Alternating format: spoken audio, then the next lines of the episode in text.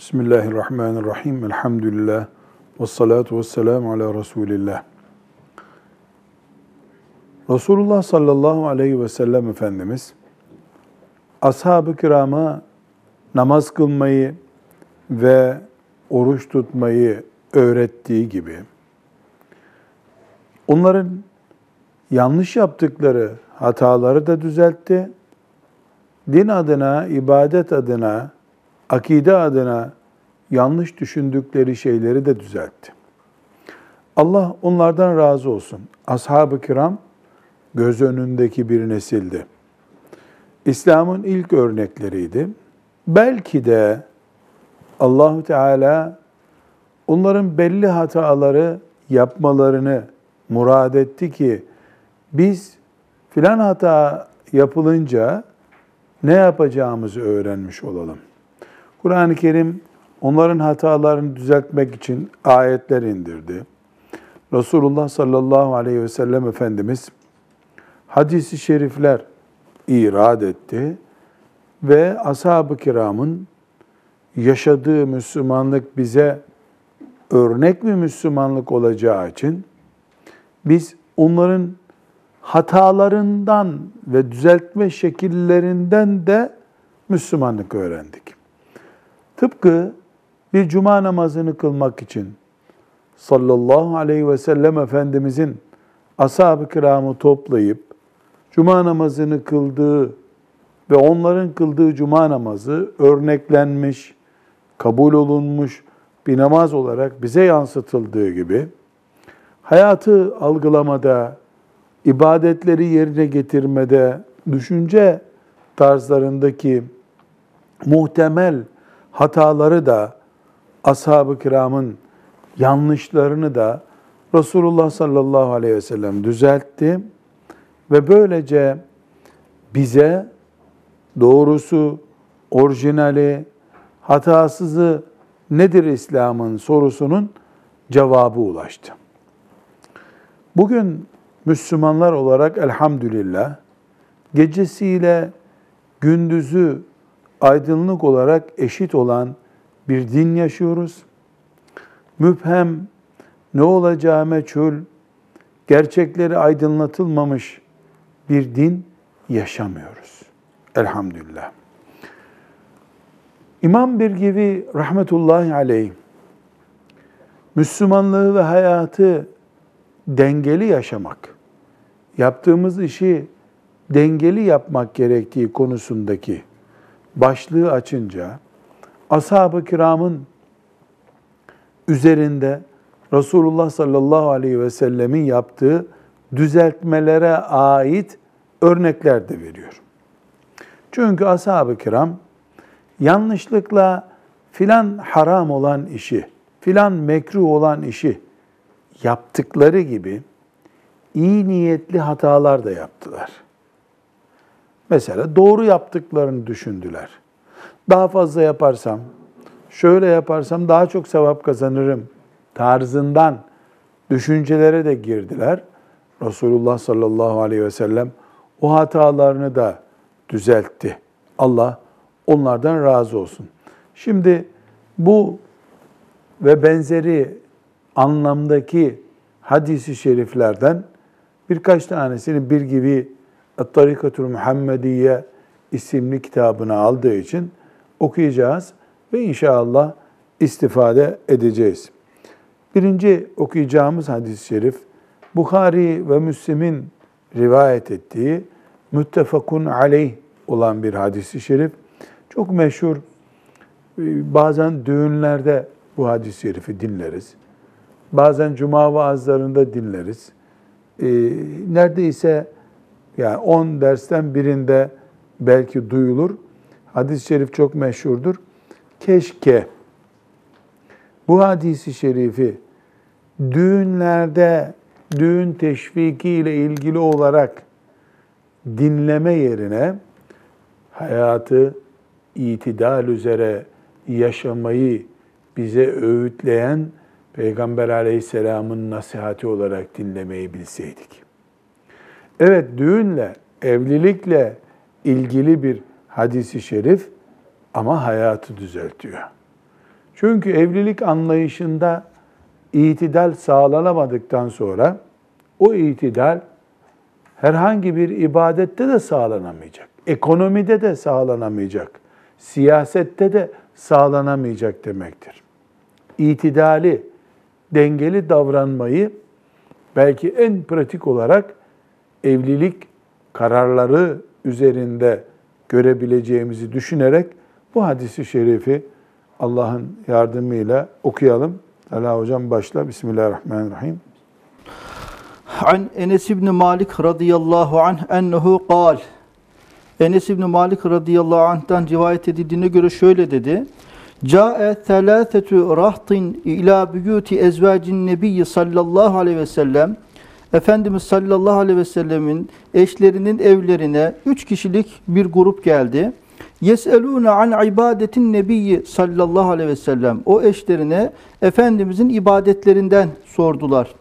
Felemma uhbiru keennehum tekalluha ee, kendilerine Efendimizin e, ibadetleri anlatıldığında onu azımsadılar. Fakalu ve dediler ki ve eyne nahnu minen nebiyyi sallallahu aleyhi ve sellem ve kad gufira lehu ma taqaddeme min denbihi ve ma teahhara. Biz nerede e, geçmiş ve gelecek günahları affedilmiş olan Efendimiz sallallahu aleyhi ve sellem nerede? Kale ahaduhum onlardan o üç kişilik gruptan birisi dedi ki emma ene e, fe inni usalliyel leyle ebeden ben daima namaz kılacağım dedi. Ben geceyi namazla geçireceğim. Geceyi namazla geçireceğim dedi. Ve kâle aharu ve diğeri de ene asumud dehra ve la uftiru ben de e, Bütün devam, yılı yılı oruçla geçireceğim. E, iç, e, iftar etmeyeceğim. Ve kâle aharu ve diğeri de dedi ki Hiç ene, iftar etmeyeceğim demek akşam iftar etmeyeceğim değil. Türkçe'de iftar etmek akşam orucu bozmaya söyleniyor. Buradaki iftar gün bırakmak, ara bırakmak demek. Hiç ara vermeden her günü oruç tutacağım. Ve sonuncusu da dedi ki ene e'tezilun nisae fela etezevvecu ebeden. Ben kadınlardan uzak duracağım ve evlenmeyeceğim dedi.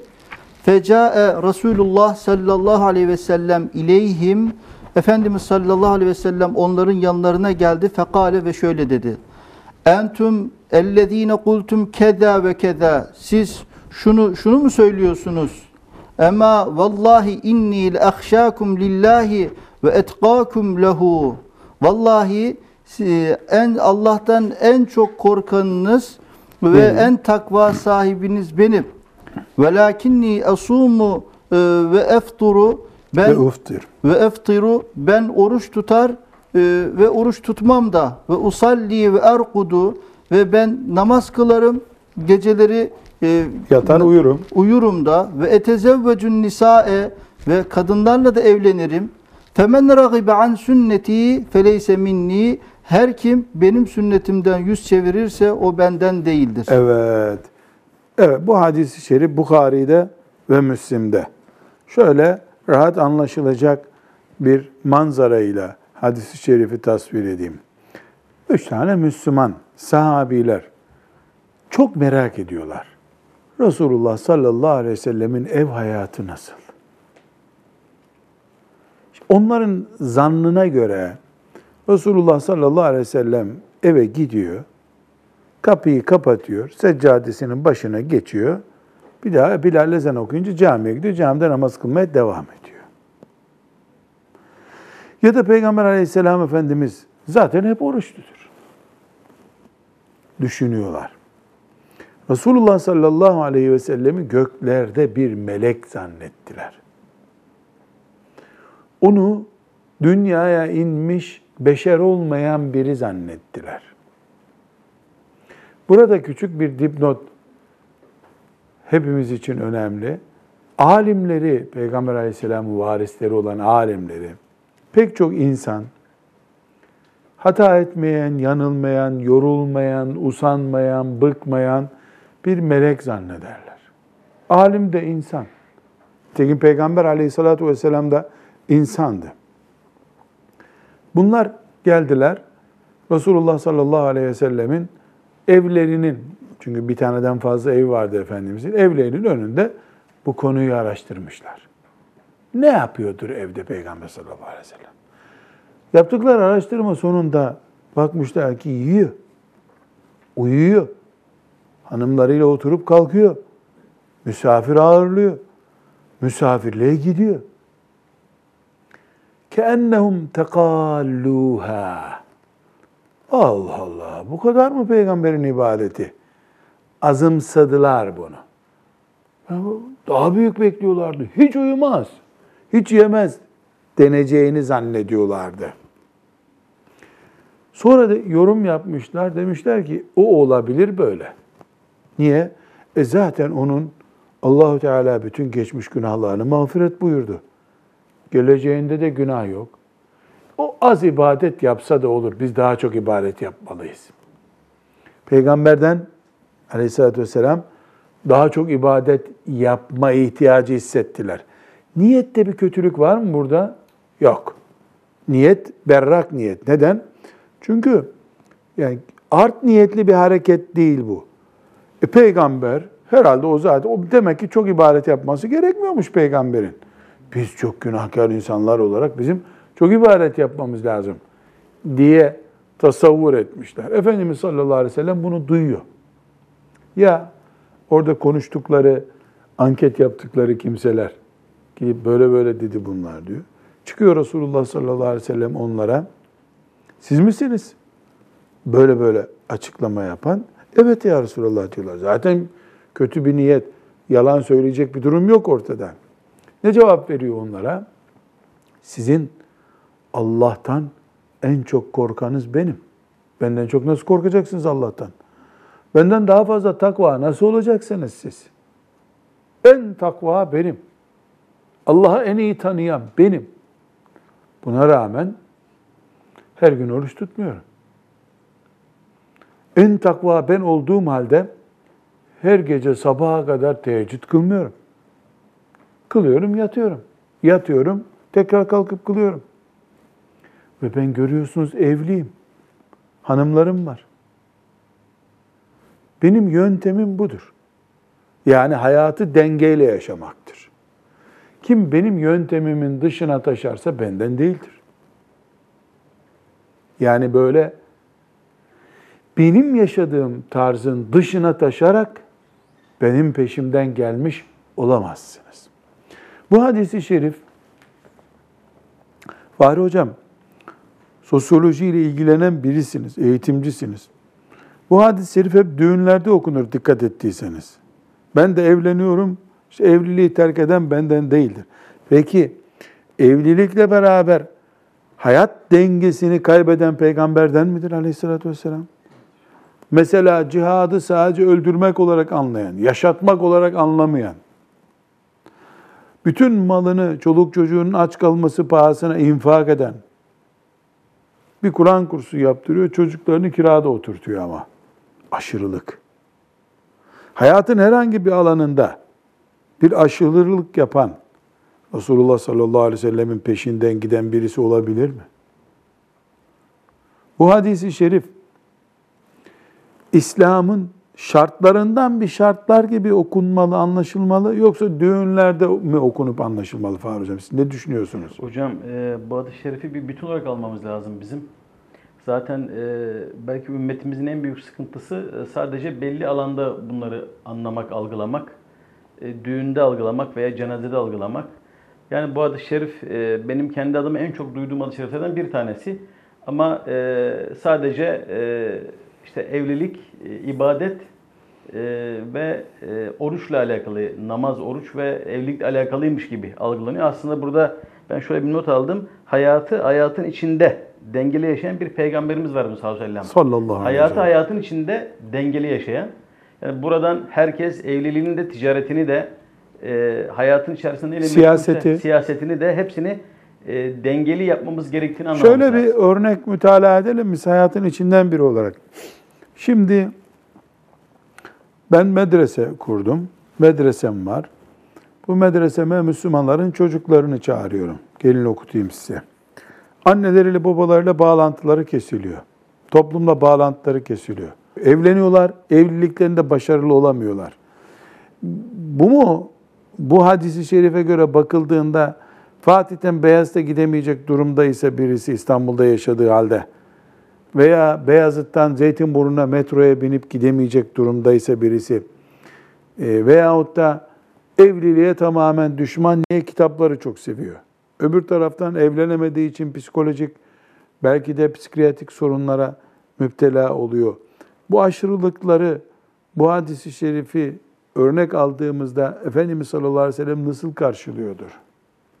Hocam e, bu mantıkla bir nesil yetiştirmek e, yani bizi hedeflerimize ulaştırmaz. Yani kendini taşıyamayan, dünyayı anlamamış, e, bir denge kuramamış, sadece e, ders noktasında medreseden ibaret hayatı zanneden bir e, gencin e, bir kere kendisinin ayakta durma şansı olmadığı gibi e, ümmetimizin başına da bela olur bu tür gençlerimiz. Ve bu tür sapmalardan da belki e, işte e, günümüzde konuşulan bir Kur'an Müslümanlığı gibi bir cemaat e, içi bir kardeşlik gibi şu anda ümmetimizden çok uzak bir mantık ortaya çıkıyor. Bu hadis-i şerif e, anlaşılmadığında tabii Efendimiz sallallahu aleyhi ve sellem böyle bir e, mantığı tasvip etmez. Çünkü dengeyi e, tavsiye ediyor bize. Hatta e, bir hoca efendi bana anlatmıştı hocam. Gençler e, ziyarete gelmişler. Yemek yemişler hoca efendinin evinde. E, sonra hoca efendi çay içelim deyince e, gençler demiş biz çay içmiyoruz demişler. E, neden içmiyorsunuz? E, demiş efendim sallallahu aleyhi içmedi o yüzden içmiyoruz. Tavuk yemiş Efendimiz. E, o da de- demiş ki e, peki yemekte Nuh'un Ankara makarnası vardı demiş. Yani peki efendim sallallahu aleyhi ve makarna yedi, yedi de mi siz yediniz? Yani peki makarna yediniz niye çay içmiyorsunuz? İşte bu hocam e, böyle e, hani e, tırnak içerisinde e, cümleyi ortadan almak, Bektaşi gibi belki meseleye bakmak. E, bu sebeple de dini bütününü anlayamıyoruz böyle bakınca. Bu hadis-i şerif tek başına e, hani e, Asr suresi belki hani Kur'an'ın tamamını e, bize anlatıyor e, diyoruz. Belki bu hadis-i şerif de sosyal hayatı, ibadet hayatımızı, siyaseti, ticareti her neyse bir insanın bulunduğu e, ortamın tamamında bir denge olması gerektiğini bize şu açık ve net izah ediyor hocam. Salih Hocam bir de Peygamber Efendimiz sallallahu aleyhi ve sellemin ben buyum buna rağmen böyle yapıyorumundaki ifadede iman açısından ele alınacak bir tehdit de var mı? Yani bunu bilinçli bir şekilde İslamiyet'i aşırılıklar yumağı olarak e, görmeye karşı bir imani tehdit yani bunu Peygamber Aleyhisselam'ın dinini yönlendirme hatası olarak görebilir miyiz bu aşırılığı? Yani görmek mümkün hocam. Şöyle bir şey aklıma geldi benim. Şimdi biz ehli sünnet diye bir kavramı sık sık duyuyoruz. Ehli sünnet ne demek? Sünnete ehil olmak. Resulullah sallallahu aleyhi ve sellemin Sallallahu aleyhi ve sellem. ümmeti olmayı hak etmek gibi bir kavram. E, genelde bu ehli sünnet kavramını sünnetleri uyguluyor muyuz üzerinden? İşte öğle namazının ilk sünnetini kılıyor muyuz? E, kılıyoruz. O zaman ehli sünnetiz. Misvak kullanıyor muyuz? Kullanıyoruz. Ehli sünnetiz biz Ama zaten. bunlar o zaten.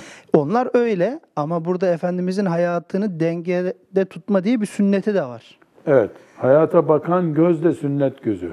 Yani diğer sünnetleri yerine getirirken hayatın tamamını kuşatmış bu hayatı dengeyle yaşama sünnetini ihmal ettiğimiz zaman o zaman yarım ehli sünnet oluyoruz biz. Ne da ne kadar oluyorsa. Ehli sünnetlik yarım oluyor mu kafadaki sünnetlik açısından? Yani yarım bir ehli sünnetten elbette ki bahsedemeyiz ama yani e, illa söyleyeceksek bunu söylemek zorunda kalıyoruz o zaman. Dolayısıyla dediğiniz gibi aslında bu işin bir miktarda da imani bir boyutu var. Burada e, üç şey sayıyor değil mi? Uyku, yemek ve kadın. Hayatın ne kadarı bu üç şeyin üstünde dönüyor? Tamam mı hocam? Yani hayatın tamamı burada aslında. Yani sellem- uykudan Evet. muaf insan var mı? Yok. Yemekten muaf insan var mı? E kadından evlilikten bir nebze yani mesela 20 yaşına kadar 35 veya belli rahatlığı olanlar için olabilir ama şurada hayatı yüzde yüz kuşatacak bir alanın içinde dönüyor bu. E, Dolayısıyla bu hadis-i şerif sanki güneşin aydınlattığı her yerde hayat var der gibi bir bölüm. Burada yalnız e, Salih Hocam bir konu daha var. İstersen sen mikrofonu al. E, burada senin içimizdeki en genç olarak söylemen gereken şey şeyler olabilir. Şimdi burada İslam'ı dengede yaşamak, günlük hayatı dengede yaşamak tavsiyesi beraberinde e, Peygamber Efendimiz buyurmadı mı deyip bir sululuk da getirebiliyor mu? Çünkü son 20 senede Müslümanlar olarak daha önceki titizliklerimiz, hassasiyetlerimizi kaybettik. E, dünya nimetleri Müslümana da helal deyip haram helal ayırmadan dalmak gibi bir tehlikeye de bulaşmış bulunuyoruz. Bu boyutu yani denge derken hep titizlikten, sünnetten, şeriattan kırpıp bu taraftan aldığımızda da bir dengesizlik değil mi bu? Yani zaten hocam hadis-i şerifleri kendimizin hoşuna gideceği tarafından seçtiğimiz zaman da hadisler arasında bir dengesizlik yapıyoruz. Kaynağımızı kurutuyoruz. Evet yani işte 10 bin hadismetten mesela bahsediyorsak ve biz sadece 10 bin hadisin biniyle ilgileniyorsak bunlar tamamı sünnet olan hadisler mi? Evet.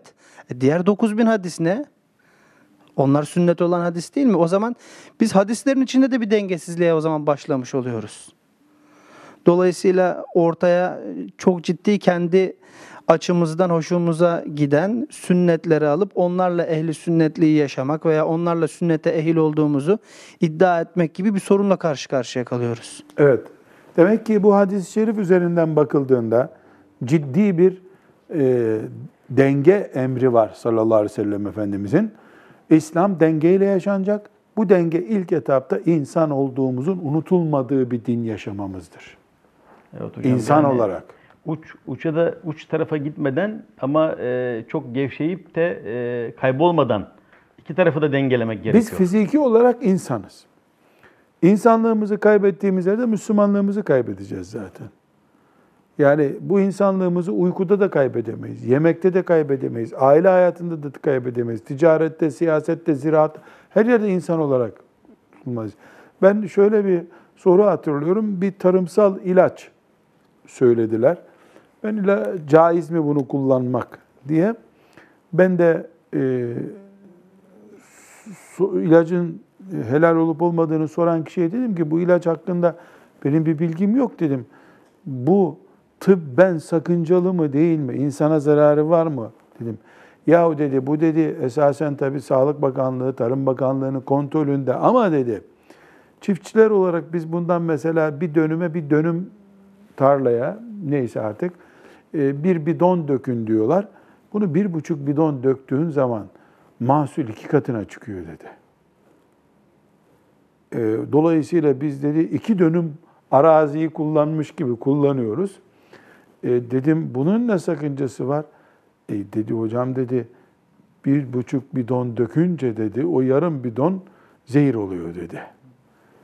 E peki bunu siz hayvanlar için mi üretiyorsunuz dedim. Olur mu dedi. Söz konusu olan kiraz, şeftali dedi. İnsan için üretiyoruz. Siz insanlık düşmanısınız o zaman. Sen para kazanmak için insanlığı öldürüyorsun. Cümle ne oldu biliyor musun? Bunun dinle ne ilgisi var dedi. o kadar. Cevap, Dinle ne ilgisi? cevap istediği gibi çıkmayınca hocam. Cevap istediği gibi çıkmayınca dinle ne ilgisi vardı?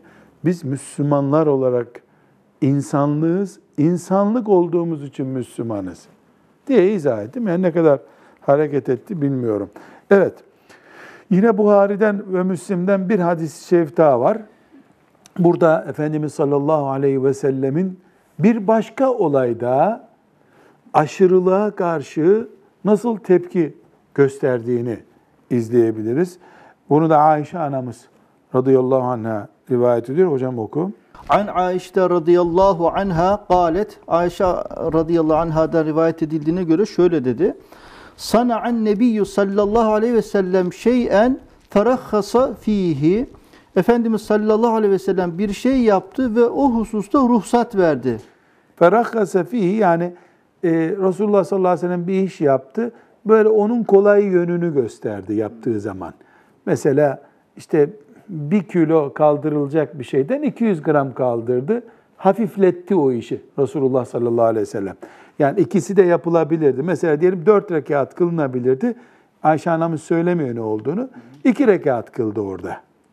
Evet. Fetenezzehe anhu kavmun e, bir grup O Müslümanlar arasındaki bir grupta aa böyle şey olur mu ya? Dinden taviz veriliyor gibi bir mantık. Böyle değil tabi haşa. Yani tenezze anu kavmun Ayşe anamızın ifadesinde dudak büktüler gibi bir anlam. gibi yani. Garipsediler, dudak büktüler. Tenezzül etmediler. E, tenezzül biraz daha şey yok o uzak bir ifade yani bir tahkir var tenezzülsüzlükte. Hayret ettiler, şaştılar. Ama bir tepkileri oldu. Niye? Resulullah sallallahu aleyhi ve sellem kolay olanı niye tercih buyurdu diye. Çünkü ne anlıyorlar onlar? İki rekat mı kıl dedi, 12 kıl. 12 kıl. E, 30 gün mü oruç dedi, 65 gün tut. Böyle anlıyorlar. Hele hele yeni Müslüman olmuş. E, mesela muhacirlerde yok bu iş. Mekke'den gelenlerde yok. Daha kökten geliyorlar Resulullah sallallahu aleyhi ve sellemle. Bu tip uygulamalar hep ya da benzeri hatalar hep ashab-ı kiramın Medine'de gelip, köylerden gelip Müslüman olmuşları, işte Efendimiz sallallahu aleyhi ve sellemin ilk o çileli günlerini bilmeyenler, İslam'ı hele fetihten sonra görenler. Rahat bir İslam gördüler. Ee, işte Resulullah sallallahu aleyhi ve sellem bir diyor, beş anlıyorlar. Ama bu haşa art bir niyetten değil, heyecandan. Belki de şeytanın yani çabuk pilini tüketecek uygulamaya kışkırtmasından belki de. Evet. Febelaga zâliken nebiyye sallallahu aleyhi ve sellem e, bu, Bu durum Efendimiz sallallahu aleyhi ve selleme ulaştı. Yani siz şu işi yaptınız. Yaptığınız işten bir grup sahabi de "E, hayret ettiler ya Peygamber sallallahu aleyhi ve sellem böyle tavizci davranıyor gibi. fehatabe fehamidallaha teala Çıkıp bir hutbe irad etti. Bu Efendimizin usulüydü. Bir şey anlatacağı zaman toplanıyor ashab-ı kiram. Çıkıyor, Allah'a hamd ederek konuşmaya başlıyor. ثُمَّ قَالَ مَا بَالُ اَقْوَامٍ يَتَنَزَّهُونَ عَنِ الشَّيْءِ اَصْنَعُهُ فَوَاللّٰهِ اِنِّي لَاَعْلَمُهُمْ بِاللّٰهِ وَاَشَدُّهُمْ لَهُ خَشْيَةً Ya ne oluyor bazılarınıza? Benim yaptığım işten garipseniyorlar. Allah'ı hepinizden çok ben biliyorum. Ya bir, bir işi ben yapıyorsam e, Allah'tan en çok korkan kişi olarak benimki doğrudur. Siz nasıl böyle tereddüt edersiniz? buyuruyor. Bu birinci hadisi şerifte e, sadece yol göstermişti. Benim sünnetimi terk eden benden olmaz buyurmuştu. Şimdi karşılarına adeta parmağını işaret ederek ne oluyor bunlara? Bir hesap soruyor. Nasıl böyle yaparsınız buyuruyor. Konuyu bilmiyoruz. Mesela misvak kullanıyordu da o misvağı az kullandı, onu mu kastettiler? Konumuz her neyse Ayşe anamızın bu tarif ettiği konu hayatımızın bütününü kuşatıyor.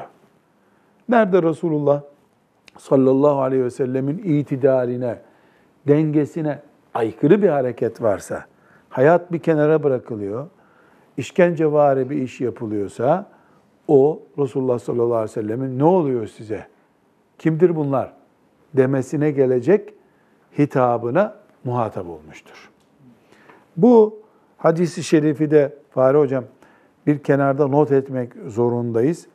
Yani bazı alimlerin mesela yaz tatiline gitmesine tepki gösteriliyor. Bazı alimler niye kaliteli arabaya biniyorlar denebiliyor. Haramsa zaten alemi cahili yok bunun. Aynı şekilde bu asas vazifesini ihmal edip yaptığı bir şeyse gene konuşacak bir şey yok.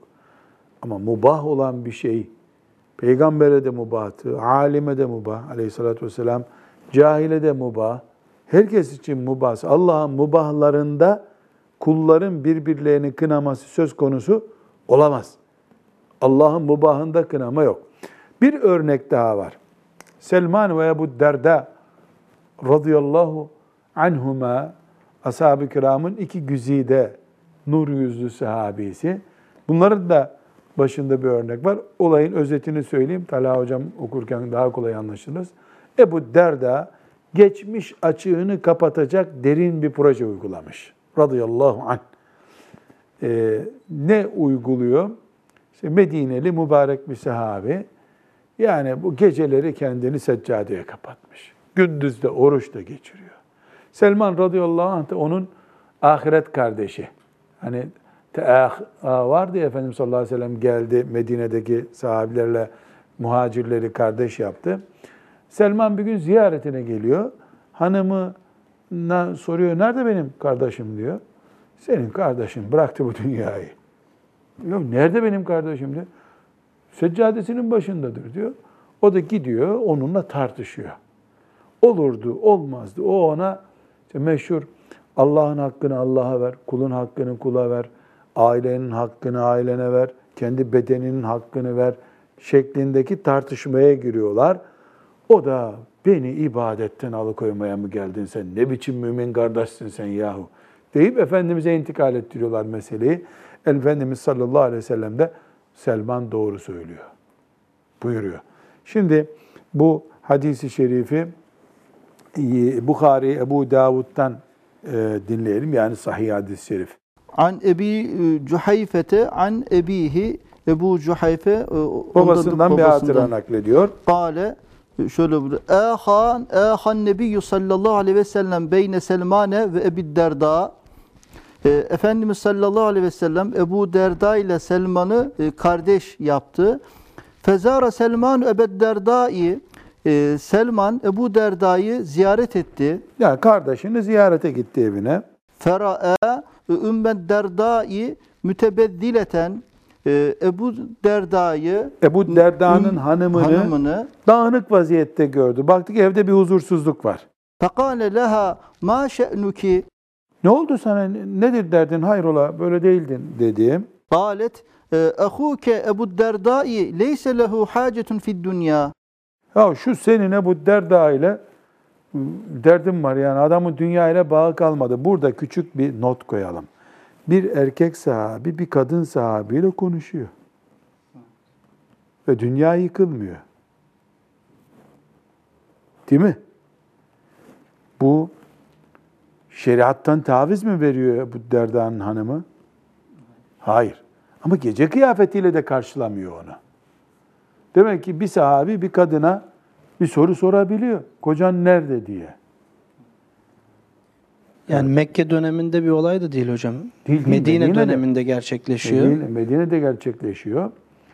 Ee, belki hicab ayetinin inmesinden sonra bu konuşma söz konusu. O güne ait konuşmalar da var.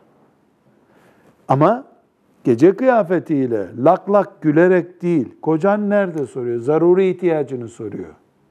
Laubalilik yapmıyor, tokalaşmıyor. Yasak olan şeyler belli. Ama insanlık yasak değil. Zorunlu sosyal ilişki yasak değil. Evet, devam ediyoruz. Ya senin arkadaşın Ebu Derda'yı şu haline bak ya, adamın dünya ile ilgisi kalmadı diyor. Fecae Ebu Derdai fesana'a lehu ta'amen. E, Ebu Derda geldi Ve ve şimdi bu sefer Selman misafir gelince onlara bir sofra çıkardı kadıncağız. Ebu Derda da geldi. fekale kül fe inni Ee, saimun. otur yemek yiyeceğiz dedi. Kadın misafire yemek hazırladı ya. Ben ben oruçluyum. Ben yemek yemem dedi. Kale ma ene bi akilin e, hatta te'küle Sen yemiyorsan ben de yemiyorum dedi. fe ekele. Bu sefer orucunu bozdu. Ebu Derda. Bukhari'de hadisi şerif bu. Sahabe de insandı. Allah onlardan razı olsun. Şimdi var ya bu Ebu Derda'ya ben ne dualar ediyorum biliyor musun? Bu hakikatler onun sayesinde öğrendik. Yoksa bunlar kapalı kalacaktı. Allah bu sebebi çıkarmasaydı tabii. Hocam dersin başında dediniz ya Rabbim bunları yaşattı bize örnek olsun diye. Bu bu güzellikleri onlara minnettarız biz. Allah onlardan razı olsun. Belki hocam burada yanlış anlaşılmaması için bunun Ramazan orucu olmadığını hatırlatmakta fayda var. E, e, Selman nasıl oruç E, tutmayacak? belki misafirdi, yolcuydu gibi de Medine'de oluyor bu. düşünülebilir bu mi Medine'de diye. oluyor. Ya Ramazan orucunu boz der mi Selman hiç? Delirdi mi Selman? Der mi haşa? Evet. Felemma kâne leylu zehebe Ebu Derdai yakumu Bu sefer gece oldu. Ebu Derda e, gitti. fekale nem fename sümme zehebe yakumu. Şimdi Ebu Selman da orada misafir ya. Beraber yatmaya gittiler. E, o başladı namaz kılmaya. Yat şuraya dedi. O da mecbur yattı. O Selman'ı uyutunca gene kalktı. Hocam sanki e, o da teda- tedavi için gitmiş yani ikisi de evleri Medine'de herhalde değil mi? Yani Ama böyle şey, yatılı misafirliğe yok, gidiyor bir eksik var. Sel- Selman onun misafiri ya, onun kardeşi. Evin ikinci çocuğu gibi Selman tabi. Yani ya evin işte barakada, barakasında kalıyor. Yani o evin adamı gibi. Yok hocam hani misafir de bana ne deyip çekilmiyor. Yani hatalarını düzeltiyor yani. Müslüman Müslümana yani Olur nasihat eder musun? hatasını düzeltir. E, Sahabi gördüğü hatayı düzeltmeden bir yere gider mi ya? Tam bir tedavi var yani evde rehabilitasyon Tabii. merkezi gibi. فَلَمَّا كَانَ مِنْ آخِرِ اللَّيْلِ قَالَ سَلْمَانُ قُمِ الْآنِ Sabah olunca kalk bakayım şimdi demiş. Zorla yatırmış onu gece. Sabah olunca da kalk demiş. فَصَلَّيَا فَقَالَ لَهُ سَلْمَانُ اِنَّ لِرَبِّكَ عَلَيْكَ حَقًّا وَلِنَفْسِكَ عَلَيْكَ حَقًّا وَلِأَهْلِكَ عَلَيْكَ حَقًّا فَأَعْطِي كُلَّ ذ۪ي حَقٍّ حَقَّهُ Ee, sabah olunca Selman vaaza başlamış. Bak Rabbinin hakkı var demiş. Senin bedeninin hakkı var. Ailenin hakkı var. Herkese hakkını vereceksin demiş. Fe, evet. Fe eten nebiye sallallahu aleyhi ve sellem fe zekara zelike lehu. Bu durumu Peygamber Efendimiz'e anlattılar. Bu gece böyle bir olay oldu ya Resulallah. Ben de böyle dedim dedi. Fekalen nebiyyü sallallahu aleyhi ve sellem sadaka Selmanu. Sadaka Selman. Selman doğru söylüyor. Peki Hafız Sari, e, Efendimiz sallallahu aleyhi ve sellemin e, etrafında e, oluşan bir olaya e, ses çıkarmaması veya bu böyledir, doğrudur demesi ne sünnet oluyor? Takriri takriri sünnet, sünnet. evet. Yani bunu sanki Resulullah sallallahu aleyhi ve sellem söyledi kabul et. Niye? Çünkü bu cümlelerin içinde bir virgülü benimsemeyecek olsa, Allahu Teala'nın şeriatına uygun olmayan bir virgül olacak olsaydı Selman'ın tavrında ne diyecekti Efendimiz sallallahu aleyhi ve sellem? Şurası doğru, şurası yanlış. Bir harfi yanlış olan bir şeye doğrudur der mi Resulullah sallallahu aleyhi ve sellem? Demez. Şimdi bu Selman'ın tavrı e, resmi onay aldı bu sefer. Kimden onay aldı? Resulullah sallallahu aleyhi ve sellem'den onay aldı. Bundan da anlaşılıyor ki ashab-ı kiram tekrar özetleyelim. iyi bir iş yapacağım zannederek programda olmayan şeyleri de yaptılar. Resulullah sallallahu aleyhi ve sellemin Medine'deki programında olmayan bir şeye de onayı yok. Çünkü din insanların arzularına göre değil, Allah'ın rızasına göredir. Burada Ebu Derda radıyallahu anh'ın başka rivayetler var bu. Bu hadisi bu Bukhari ve Ebu Davud'dan aldık. Başka rivayetlerde ayrıntıları var. İşte Ebu Derda e, yani geçmiş sıkıntılarından vesaireden ve cahiliyede geçirdiği yıllardan esef ediyor. Öyle 30 gün oruç etme, 365 gün oruç tutmayı düşünüyor. Halbuki şeytan onu eğer üç- 365 gün oruç tutarsa bir yıl sonra cihatta Resulullah'ın işine yaramayacak, İslam'a destek veremeyecek bir adam haline getirecek onu. Halbuki Allah ne istiyor? Hem oruç tut, hem ailen olsun, hem gece namazı ara sıra kıl, ama cihatta da en yiğit mümin sen ol. Sürekli oruç tutarsan, sürekli periz yapar gibi sonunda bir deri bir kemik kaldın mı ümmetinin başına dert oldun. Halbuki Allah seni ümmetine destekçi istiyor. Bu hadisi şerif e, Selman ve Ebu Derda radıyallahu anhuma Allah ikisinden de razı olsun bize bu güzelliği tanıttılar. Peygamber onayı aldı Selman bu işe. E, bu hadisi şeriften bir şey daha çıkıyor. Daha önce Resulullah sallallahu aleyhi ve sellem bu üçlü şeyi buyurmadı. Yani böyle bir bilgimiz yok. Allah'ın hakkını ver, bedeninin hakkını ver, ailenin hakkını ver. Bu Selman'a ait belli ki. Daha sonra başka Müslim'de bir hadis-i şerif okumuştuk bir kere hani dörde ayır hayatını diyor Efendimiz. Evini dörde ayır diyor. Sonra var. E, Burada ashab-ı kiramdan e, Selman mesela Peygamber sallallahu aleyhi ve sellem Efendimiz'i böyle özümsemiş. Yani peygamber onayı alacak sözler söylüyor. Mesela Ömer radıyallahu anh'ta da aynı meziyetleri görüyoruz. Yani o söylüyor, Resulullah sallallahu aleyhi ve sellem doğru diyor. Bu kafalarını peygambere endeksleyince ashab-ı kiram onun düşünme tarzını da yakalamışlar demek ki. Söyleyeceği şeyleri biraz aşağı biraz yukarı takdir etmişler. Bunun için işte başka bir ayet yoksa, Peygamber aleyhisselamdan bir hadis yoksa sahabe sözü hüccettir. Ebu Hanife bunun için diyor. Talha Hoca bir Bir usulü fıkhın alt bilgisi olarak bunu bir kenara yazalım. Niye? Ya bunlar cahiliyeden geldiler ama hayatlarını, bedenlerini, ruhlarını, tefekkürlerini Peygamber aleyhisselamın hizasına getirip koyunca e, Allahu Teala da onların lisanlarına bir akıcılık verdi. Düşünürken Resulullah sallallahu aleyhi ve sellemin razı olacağı şeyleri düşündüler.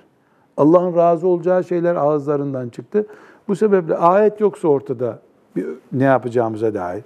Peygamber aleyhisselamın hadisi yoksa, sahabenin bir sözü varsa, sahabeden filan zat Ebu Derda bu konuda şöyle diyor şeklinde bir açıklama varsa ne diyor Ebu Hanife rahmetullahi yani fukaha ne diyor? E bizim için tamam diyor. Sahabenin sözünü bulduysam tamam diyor. Hele hele Hulefai Raşidinden bir tanesinin sözünü bulduysam tamam ben ayet hadis buldum gibi olur. Ayet varken kimsenin sahabe sözüne bakacak hali yok herhalde. Zaten onlar da Resulullah sallallahu aleyhi ve sellemin bir sözü varsa niye konuşsunlar ki? Edeplerini niye bozsunlar? Ama onun dışında bir söz konuştuklarında biz o sözü kendimiz için din kabul ettik. Niye diyoruz? İşte bu Selma'nın kafa yapısından dolayı. Yani düşünürken öğrendikleri dinin, hadislerin, ayetlerin muktezasına göre düşünmeyi de öğrendiler. Radıyallahu anhum cemiyan. Bir örnek daha var. Bu örneği de Bukhari'den ve Müslim'den naklediyoruz. Yine Enes radıyallahu anh e, bir örnek zikrediyor. Bir önceki dersimizde de bu hadis-i şerifi şifahi olarak tekrar etmiştim. Burada da bir sahabi e, bir uygulama yapıyor. E, bu uygulamanın ne olduğunu soruyor Efendimiz sallallahu aleyhi ve sellem. Onu dinleyelim. Evet. An e, Enes İbni Malik radıyallahu anh kal, Enes İbni Malik radıyallahu anh'tan rivayet edildiğine göre şöyle dedi. Dakhala Resulullah sallallahu aleyhi ve sellem el mescide Resulullah sallallahu aleyhi ve sellem mescide geldi bir gün. Fe Bildiğimiz, bildiğimiz mescit yani. fe izâ hablun memdudun beyne sariyeteyni. İki direk arasında bir ipi uzanmış gördü. Yani iki direk arasında bir ip gerilmiş. Fekale ma hadel hablu bu ip nedir diye sordu Efendimiz Nedir nedir bu ip? Yani iki direk arasında çamaşır ipi gibi bir ip var. Ya nedir bu ip e, diye sordu. Kalu hâzâ hablun li Zeynep'e fe izâ fetarat taallakat bihi.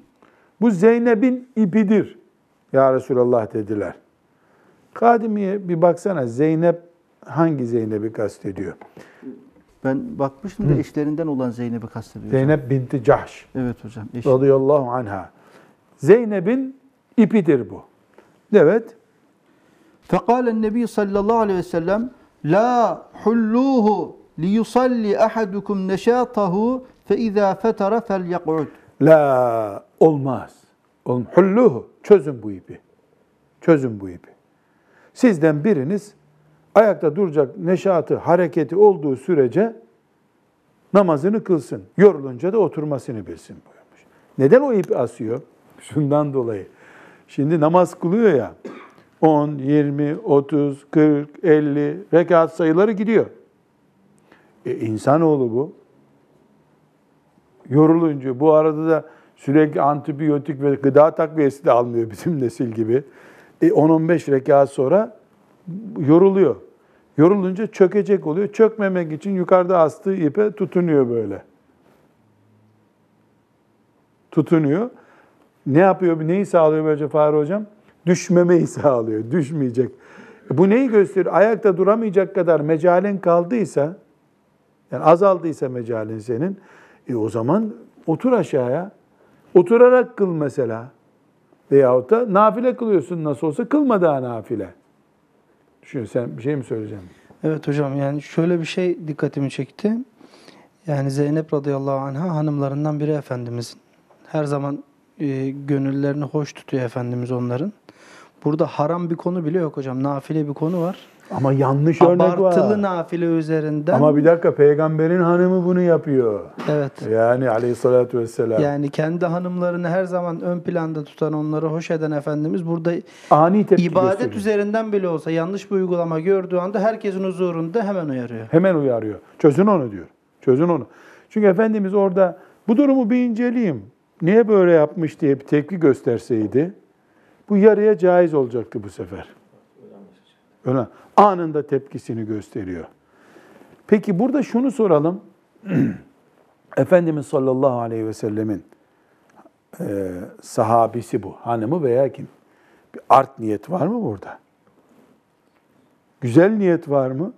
Mükemmel bir niyet. Allah razı olsun ne sahabiymiş dedirtecek bir şey var burada. Ama ibadetlerde art niyet, iyi niyet değil, ittiba şarttır. Niyetinin iyi olması değil, yönteminin iyi olması gerekiyor. Hatta belki hocam burada annemiz e, nafilelerle Allah'a daha çok yaklaşırsınız ve neticede Allah sizi sever hadisini duyduktan sonra belki de yaptı bunu. Ya da belki, yani. belki de tabii. Be. Yani niyet bir defa mükemmel. Çok, Çünkü evet. iş doğru iş ama abartılı bir iş. Abartılı bir iş. Evet. Burada örnek bir kadın sahabinin e, çok namaz, nafile namaz kılmasına yönelik ama biz bunu hayata şey yaparız. Mesela e, belki siz gençler olarak fazla duymuyorsunuzdur. San hocam e, mesela Ramazan gelmeden önce iki aydan yaşlı kadınlar oruca başlarlar.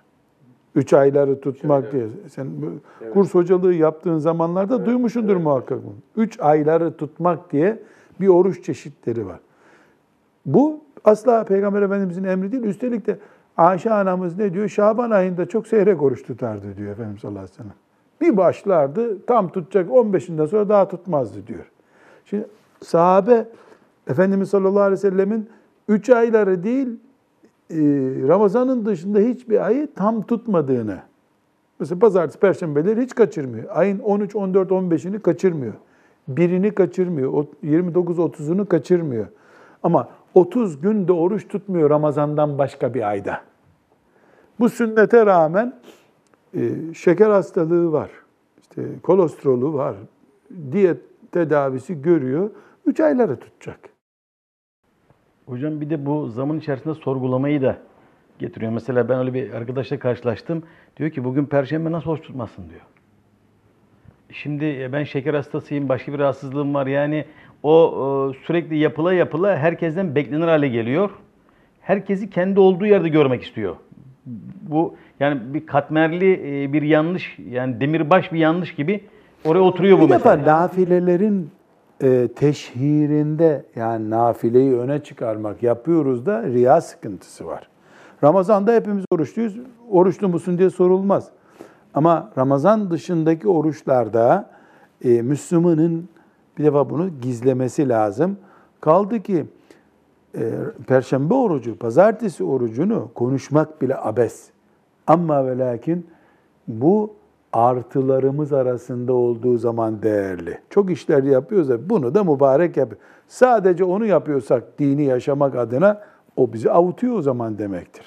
Siz bir şey mi söyleyeceksiniz Fahri Hocam? Gençler arasında da hocam belki e, dine hizmette e, çaba sarf etmek istediğinde gençler bazen takatlarını belki zorlayacak düzeyde e, hızlı koşmaları Mesela? da yani bir vakıfta görev alan, bir yardım hizmetini e, yerine getirmek için çaba sarf eden bir insan, bir genç e, bazen gücünü e, aştığı halde yine de o işi yorulacak düzeyde yaptığında aynı sonuçla karşılaşabilir mi? Aynı uyarıya muhatap olmalı mı burada? Bir defa genç demek tecrübesiz demek. Genç, tecrübesiz insan demek. Şimdi bu genç insanın ne kadar yaparsa fazladır yaptığı sorusunu kendi takdir edemez. O yüzden senin gibi bir vakıf başkanı, yüzlerce, binlerce gencin genç hayatlarını Allah rızası için yönlendiren biri olarak senin bir, onların müstakbelde ihtiyaçları olacak olan diplomalarıydı, iş güçleriydi vesaireleriydi sıfırlanıyor, dökülüyor. Sonra bunlar ayazda açıkta mı kalacaklar? Bunu kontrol. İki, bunlar çok namaz kılacağım derken sosyalliklerimiz sıfırlanıyor. Çok sosyal olacağım, dinime hizmet edeceğim, ümmetime hizmet edeceğim derken sabah namazımı kılmıyorlar. İbadet dengesi. Üç, bunların anaları babaları var. anne babalarıyla bağlantıları ne alemde? Ben bir gün e, zannediyorum Ankara'da bir sohbete gitmiştim. E, bir gence kaç kardeşiniz, kardeşsiniz dedim. Üniversitede okuyordu. Hocam ben Ankara'ya geldiğimde dört kardeştik dedi. Şu anda beş olmamız lazım dedi. Nasıl bir şey dedim şu anda beş olmamız lazım. Annen nerede dedim. Bir vilayet ismi söyledi. Orada dedi. E peki dedim. Nasıl senin haberin yoktu?